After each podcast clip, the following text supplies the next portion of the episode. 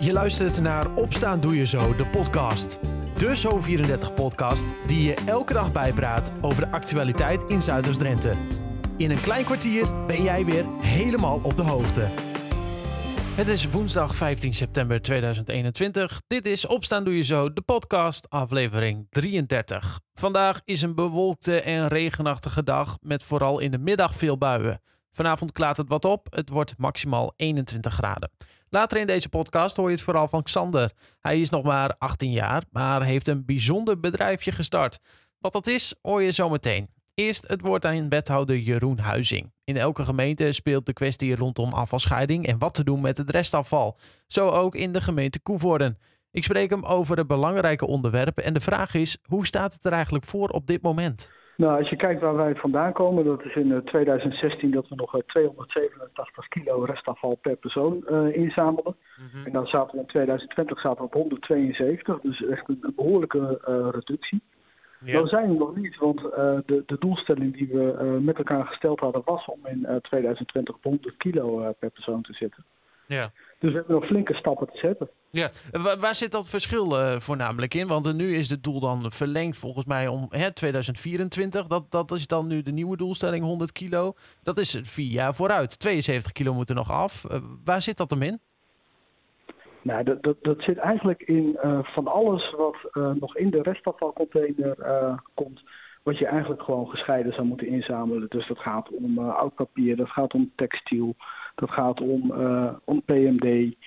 Uh, het gaat om uh, groente, fruit en, en, tuinafval. En het zijn allemaal afvalstromen die als gescheiden inzamelen prima op een andere manier nog weer nuttig toegepast kunnen worden. Yeah. En als we het bij het restafval doen, dan nou, een heel klein deel kan er nog uitgescheiden worden. Maar voor de rest is, gaat dat gewoon de verbrandingsoven in. Yeah. En dat, dat, dat, is uiteraard zonde. Maar misschien nog wel erger voor, uh, voor iedereen. Het raakt ons ook nog eens een keer in de portemonnee. Ja, uh, wat, wat, wat, wat is op dit moment de huidige situatie? Bij een normaal huishouden staan er dan drie containers voor de deur? Ja. Bij een gewoon huis? Dus, dus een restafval, een, een plastic container en een, een, een groenafvalcontainer? Klopt, we hebben drie containers staan. Ja, en, en bij, bij hoogbouw, hoe ziet dat dan eruit? Dan heb je denk ik aan gewoon van die, van die bakken ervoor. Ja, klopt. Ja, daar, uh, nou, voor een deel uh, hebben we daar ondergrondse containers. En mhm. daar, nou, dat, dat, is de bedoeling om dat de komende jaren ook gewoon goed te gaan verbeteren. Eigenlijk is het hele idee achter de, de routekaart zoals wij die hebben ontwikkeld nu, om het voor mensen zo makkelijk mogelijk te maken om alles behalve het restafval gewoon heel goed te kunnen scheiden en heel goed te kunnen inleveren. Ja, maar wat is nou, uh, hoe ga je nou mensen, inwoners van Koevoorde in dit geval, uh, nou ja, eigenlijk leren om nou, dat, dat stukje wat nu nog niet gescheiden wordt, waar wel de mogelijkheid voor is. Want in principe, hè, die plastic container is, en je zegt net van in het restafval vinden we ook nog wel eens PMD, uh, om dat, nou ja, die opvoeding te doen. Ja, ik, ik vind opvoeding vind ik een beetje een, een betuttelend woord. wat volgens mij om gaat is dat er is een deel van onze inwoners die uh, inderdaad, uh, nou, eh, misschien ook wel uh, de verjaardagspraat nog steeds aanhoort van ja, het maakt toch allemaal niet uit, het wordt allemaal weer bij elkaar gegooid. Nou, dat, dat, is gewoon niet zo. Mm-hmm. Dus daar moeten we als eerste, denk ik, daar moeten we doorheen prikken. Er is een heel groot deel die het graag goed wil doen, maar die nog niet altijd precies weet hoe het dan moet. Dus dat is uh, de, de, de, groep die wij graag willen gaan bereiken met daar uh, hele gerichte communicatie.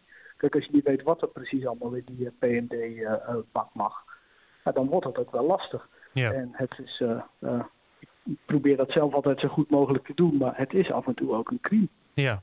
En gelukkig heb je hele mooie tools om je daarbij te helpen.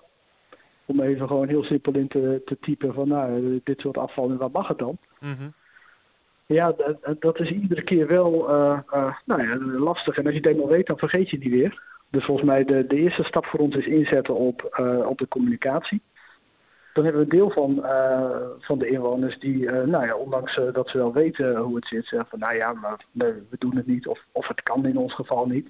Nou, daarvoor hebben we afvalcoaches beschikbaar. Dus die willen we ook, nou, die, die kan gewoon specifiek meekijken in de situatie van, van iemand en daar uh, tips geven. En uh, voor een deel uh, zal het misschien ook wel voor de, degene die gewoon echt niet niet wil en alles maar bij elkaar blijft gooien, zullen we misschien wel op handhaving overgaan. Want zeker, we, we hebben inwoners die gewoon drie keer in de week een, een verschillende, of drie keer een verschillende kleur container neerzet. Ja. Iedere keer met dezelfde inhoud.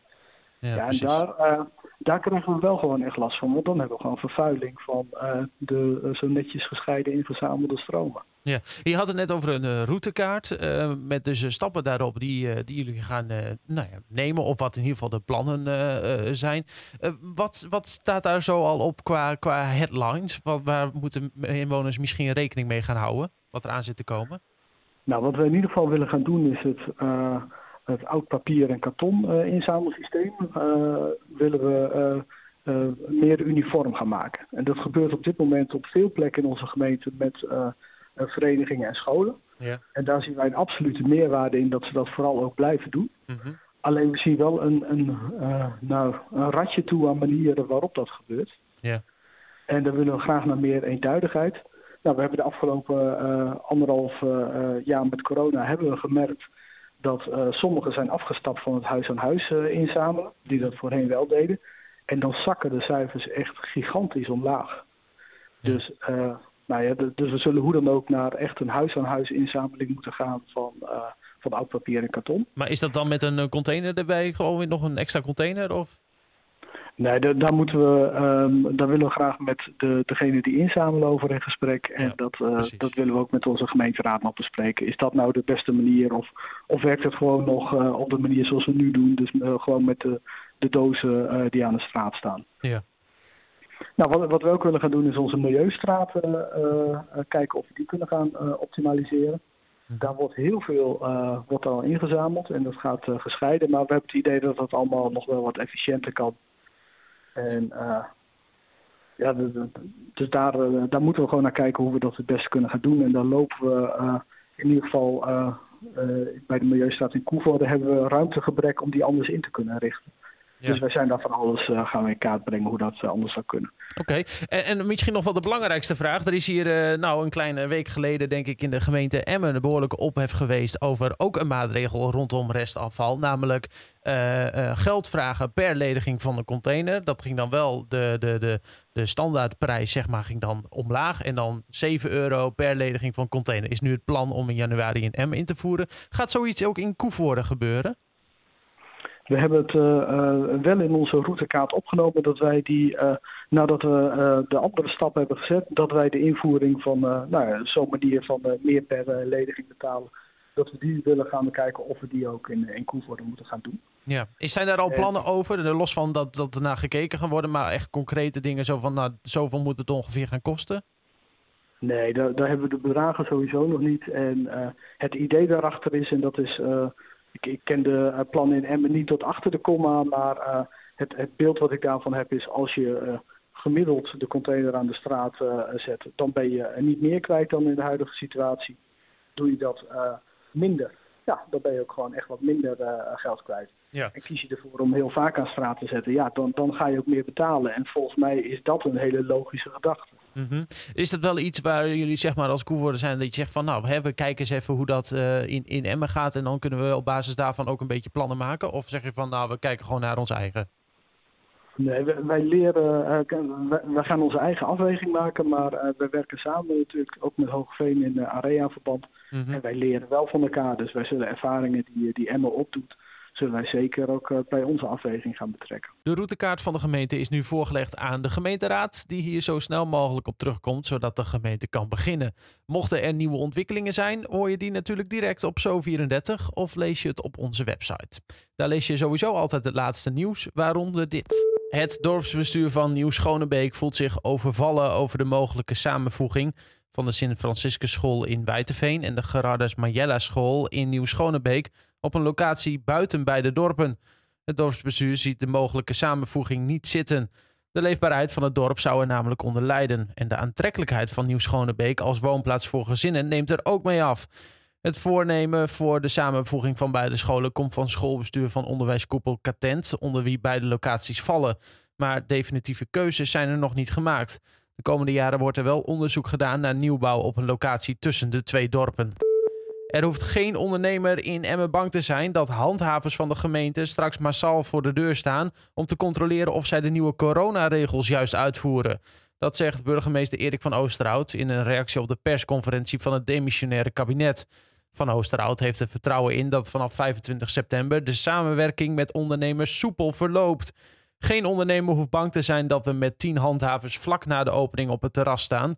We doen het netjes en met begrip voor elkaar, al dus de burgemeester. En de 60-jarige man uit Erika, die in november 2020 burgemeester Erik van Oosterhout van Emmen bedreigde met de dood, moet wat betreft de officier van justitie niet terug naar de gevangenis. De man moet hulp krijgen, zei de aanklaagster. Ze eiste daarom een celstraf van 246 dagen, gelijk aan het voorarrest, dat de man zich laat behandelen en een locatie- en contactverbod met de burgemeester en gemeenteleden. Voor meer nieuws uit de regio kun je altijd kijken op zo34.nl of in de gratis app. Xander Weken is 18 jaar en heeft een bijzonder eigen bedrijfje opgericht. Hij verhuurt namelijk sinds kort Solexen. De jonge Sander uit Weringen is al van jongs af aan groot fan van sleutelen aan tweewielers. En dit is zijn nieuwste uitdaging. Hij vertelt erover hoe het tot stand kwam. Ik begon al heel jong, toen, uh, toen leerde ik sleutelen. En uh, ja, toen uh, was ik een jaar of zeven, toen dacht ik, ik moet er wat mee doen. En wel, ik kwam wat rond en we hadden het er wat over hier thuis. En nou, ik, ik, toen zag mijn broer het op, op Marktplaats. Mm in, in Zeeland, onder in Nederland. Ja. Nou, dan, dan hebben we dat maar gedaan. en, dus je bent uh, met, uh, met de familie naar Zeeland gereden om daar even een, een bult uh, Solex op te halen, zeg maar. Ja, ik ben, ja, ik ben erheen gereden en van 44 Solex met kenteken kunnen vinden. Wat een bijzonder verhaal. Maar laten we eens even sleutelen. Doe je dat dan al vanaf jongs af aan met, met je vader of zo? Vind je dat zelf heel erg interessant om te doen? Nou, ik had liever zo'n, of ik had vroeger zo'n klein crossmotortje en die, die deed nooit. Mm -hmm. En dan begin je van uh, te sleutelen en dan leer je het eigenlijk op jezelf al. En als ik dan een keer iets niet snapte, dan had ik mijn vader er natuurlijk wel bij. Maar ik deed zoveel mogelijk zelfstandig. Ja, precies. Gewoon zoveel mogelijk zelf leren wat je, wat je moet doen wanneer er iets stuk gaat, zeg maar. Ja. ja. ja. En, en waarom dan uh, van die Solexen? Want in principe zijn dat toch gewoon brommers. Ja, het is een hele bekende naam natuurlijk, maar... Uh... Nou, het heeft ook wel een leuk gezicht als je allemaal van die, die fietsen met een motortje voorop ziet fietsen. Ja.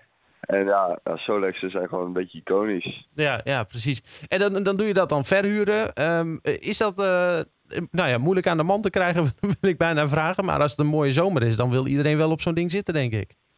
Ja, dat geloof ik ook wel, ja. Ja, en heb je dan ja. ook routes of zo? Of, of, zeg je gewoon van, nou kijk eens alsjeblieft, uh, red toe en om uh, drie uur uh, zie ik je wel weer terug? Nee, het mag allebei. Ik heb ook wel een route. Dus mm -hmm. je mag altijd vrij rijden. Dat is voor eigen keuze. Ja, ja. En, en die, die, uh, die Solexen die je hebt opgehaald hè, daar in Zeeland. Waren ze dan... Uh, ja. um, die, die kon je zo weer in de verhuur gooien? Of uh, moest je daar nog flink wat aan doen? Nee, daar moest ik flink wat aan doen. Ik denk dat er drie echt goed waren. Oh. En de rest was allemaal wat mis mee. Oh. En hoe lang ben je daarmee bezig geweest? Oh, dat is... ik denk dat het wel voor alle twintig wel een maand heeft geduurd. Van alle twintig, dus per stuk een maand? Nee, in totaal. Oh, in totaal. Oh, ik denk al, want anders ben je weer heel lang onderweg. Um, ja. Maar Xander, en nu dan? Want uh, je hebt dan die dingen, je gaat er nog een paar repareren. Want er staan volgens mij nog een paar in de schuur die even gerepareerd Klopt. moeten worden. Uh, en nu Klopt. word je een groot verhuurder van dit soort dingen? Of zeg je van nou, het vind, ik vind het wel goed zo eigenlijk? Ja, ik ga dit Solex houden en dan volgend jaar wil ik verder kijken. Oh, en wat staat er op de planning? Ja, ik heb sowieso eerst in de planning dat er volgend jaar uh, het dubbele aantal klaar staat. Maar dat, dat is nog wel een, uh, een, klus. Uiteindelijk zou Sander graag een eigen garage hebben. Maar voor het zover is, eerst maar eens bezig met de tweewielers en het uitbreiden van de verhuur. Tot zover. Opstaan doe je zo de podcast van woensdag 15 september 2021. Een fijne dag en tot morgen.